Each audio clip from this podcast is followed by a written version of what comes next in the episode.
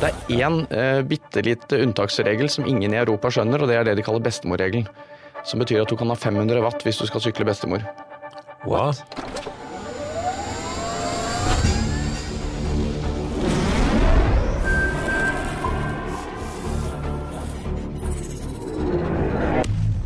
Velkommen til Teknisk sett, en podkast fra TU. Mitt navn er Jan Moberg, og jeg er her som sedvanlig med Odd-Rikard Valmot. Hei, Jan.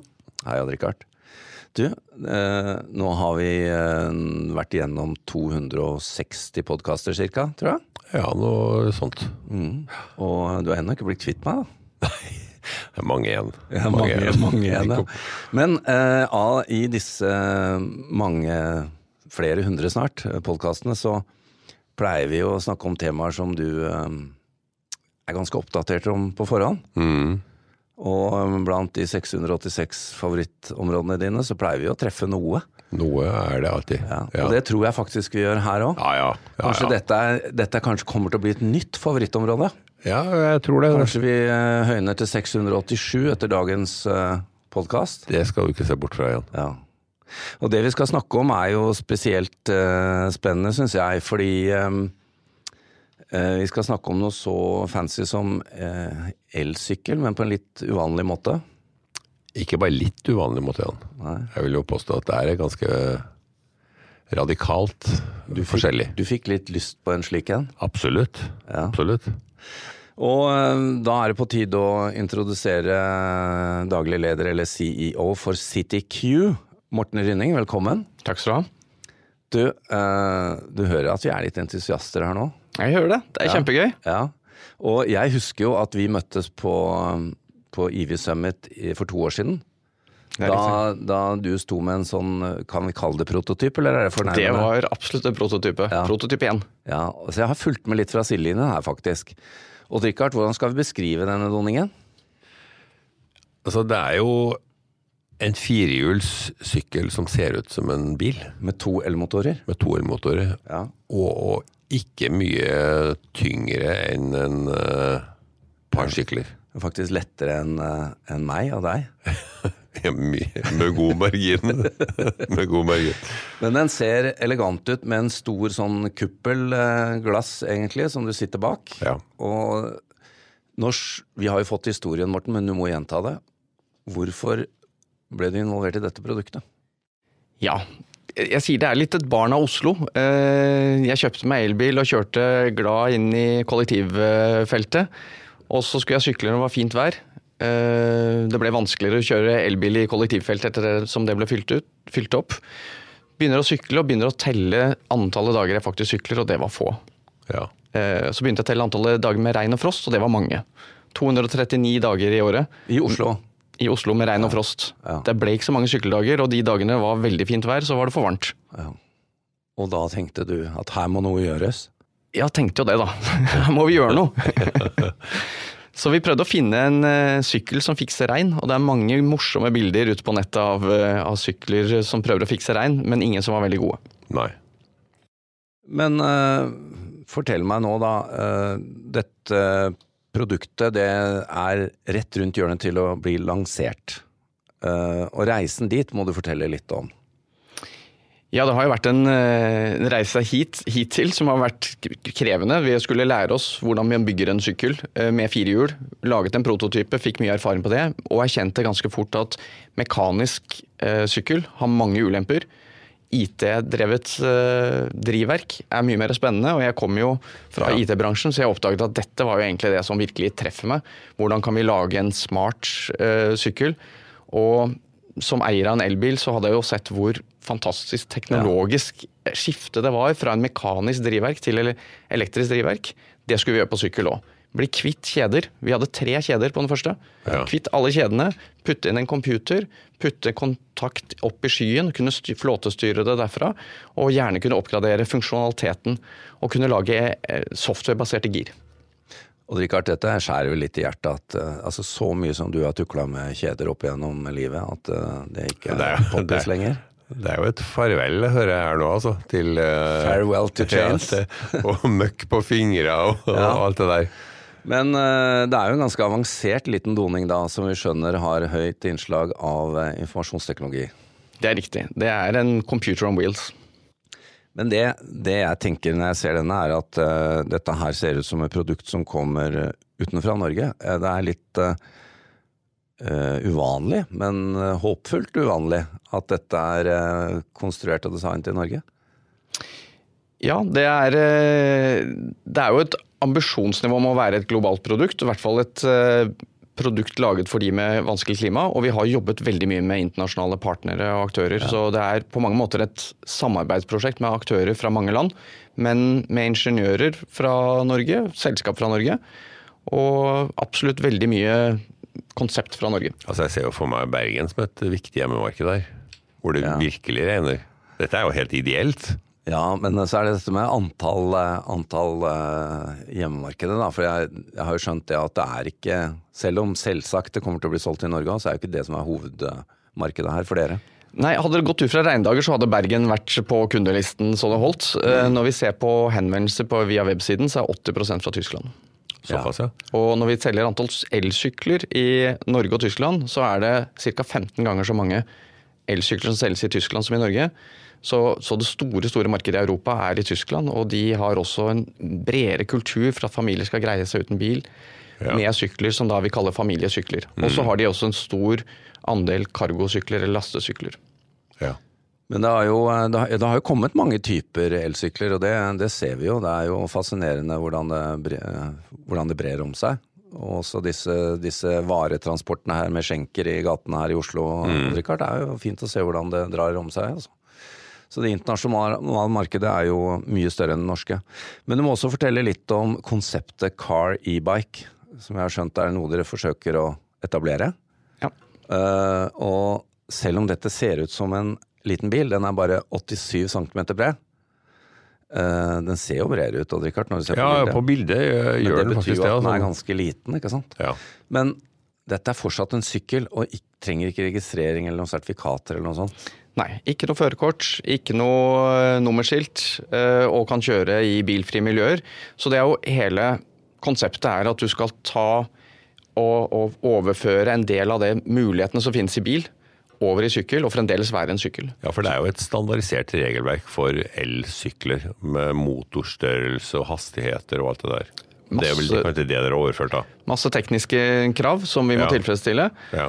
Og veldig klare regler i Europa for deler av det, og så har du nasjonale regler i tillegg. Så det er mye å forholde seg til for å ligge innenfor det regelverket. Mm. Er de norske reglene særere enn de tyske, eller er det Nei, de er stort sett harmonisert med EU. EU det er én ja. uh, bitte lite unntaksregel som ingen i Europa skjønner, og det er det de kaller bestemorregelen. Som betyr at du kan ha 500 watt hvis du skal sykle bestemor. What? Hva, hva, betyr det?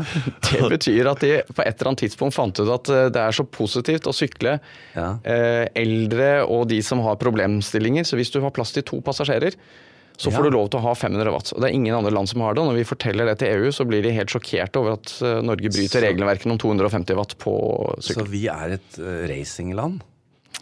For bestemødre ja. i passasjersetet. Dæven. Altså, men, men, ja, dette visste jeg ikke, Odd Rikard. Nei, jeg visste ikke det med 500 watt, men det er jo mye lurere med de motorene. For det er jo mange som ønsker litt mer uh, heftig fart i det her. Så det går jo mye rykter om 350 watt og 500 watt og sånt. Ja, det vil si at utenfor Europa så kan du ha større watt. Ja. Uh, det som på en måte er diskusjonen med, med watt, er jo at det går ikke på fart. Det går ikke engang på akselerasjon, det går på hvor mye kraft har du til å sykle opp en bakke. Ja. Og Derfor er det vel de aller fleste innen sykkelindustrien er vel enige om at det er tullete med en begrensning på 250. Ja. Fordi den har ingen funksjon i forhold til det den ønsker å begrense, nemlig farten. Mm. Men, eh, men denne, denne, her da har jo 250 Den har 250 watt. To ganger 125? Ja. ja.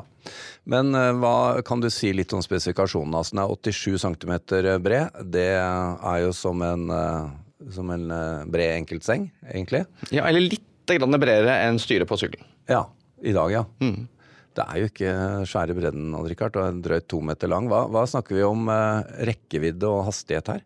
Ja, Hastigheten er jo da bestemt til 25 km i timen. Ja. Og fordi det er en softwarebasert del med regenerering, så kan vi også bestemme makshastigheten nedover.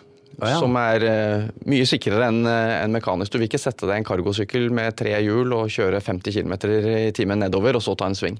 Og kanskje har et par hundre kilo bagasje, For eller bestemor på, eller et eller annet. Disse to bestemødrene. Ja. Eh, Så det er den ene delen som, eh, som styrer det. Så eh, maksfart eh, var det ene, og det andre var du spurte om var Rekkevidde Rekkevidden er 100 km på to batterier. Så det er uten å bruke pedaler. Man regner det som uten på relativt flatt terreng, men det er en litt sånn teknisk beregning. Hva slags eh, batteristørrelse snakker vi om nå? 800 watt per, 800 watt, ja. per batteri. Ja. Ja ja, men det Watt, er 800 wattimer. Ja. ti mil. Ja. Da Der kan du snart begynne å sykle til hytta, Odd-Rikard. ja. Det er fire timer, da. Ja. Tar på- på ja men, men, eh, men er det sånn at du kan tråkke i 35 km i timen hvis du har kraft til det? Ja, det kan du.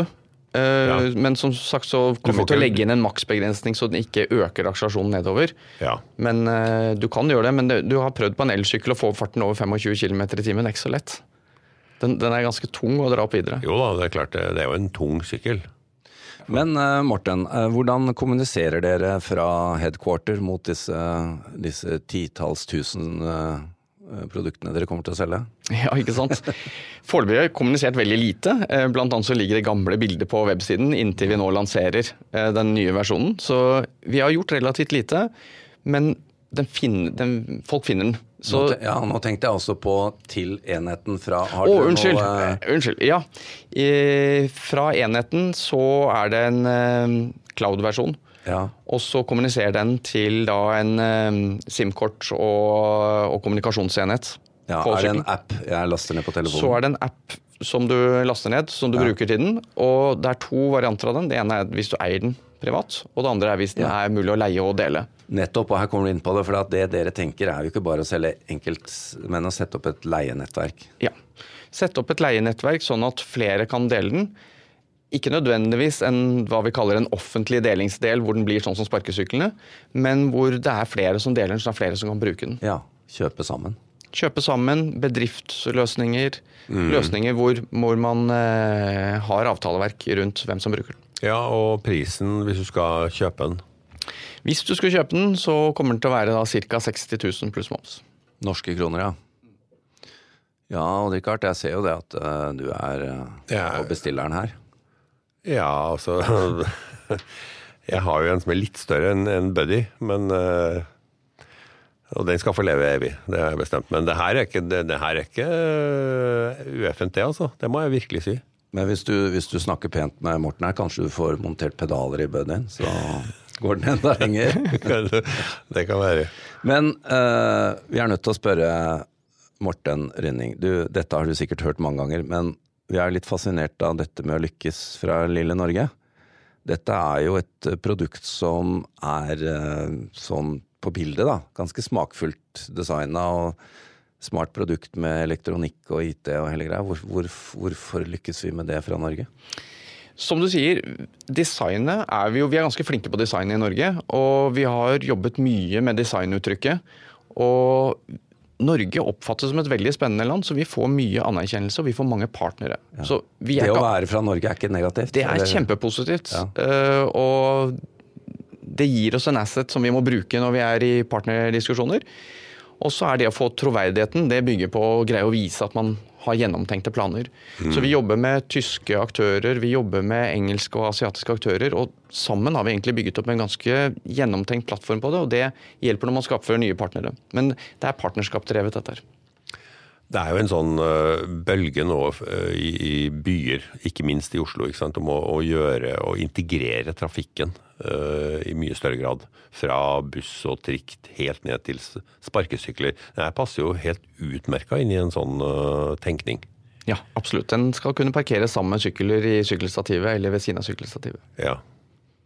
bredden på et uh, sykkelstyre. Ja. Det, ja, nei, det, det er smalere enn det ser ut på bildet, Odd-Rikard. ja, det er det. Um, eh, jeg, jeg får inntrykk av at uh, også at dette produktet er litt sånn at uh, Odd-Rikard vil jo ha dette med, for å ha med seg all elverktøyet sitt når han skal ut og sage eller uh, Var tilhenger, da. Ja, det, ikke sant. At den kan tilpasses. Litt sånn Lego-opplegg. Det er noe av tanken her at uh, når vi først bygger et understell på den, så bør det understellet være såpass fleksibelt at man kan putte nye deler på toppen av det. Mm. Og vi har prøvd å gjøre det modulært, byggeklossbasert, sånn at du kan ha baksete for barn. Ja. Ta ut baksetet og sette inn en lasteboks med lukkede deler. Vi har til og med sett på om vi kan sette inn et kjøleskap bak der. Eh, og så har vi satt inn skinner som gjør at det gjør det enkelt å montere på trucken. Er, Kjøleskap, ja. ja. Jeg tenkte du kom til å trigge på den. Um, Morten Rynning, eh, dette er eh, veldig spennende. Vi gleder oss til å se produktet i april på eh, Nordic EV Summit. Vi vet at du kommer dit. Det. det gleder vi oss til. Du får bare si fra hvis vi skal holde og Richard unna, for han kommer vel til å være veldig mye å forstyrre arbeidet der. Richard, det ser ut som du, vi må gå fra 686 favorittområder opp til 687. Definitivt. Dette, dette inkluderer jeg glatt. Og så tenkte jeg at vi må få tak i en sånn bestemorsykkel. Hvis vi kjøper en parykk og en av oss stiller som bestemor, tror du ikke vi får tak i en sånn sykkel? Jo. Da vet jeg hvem som skal være bestemor. Men du må barbere deg først.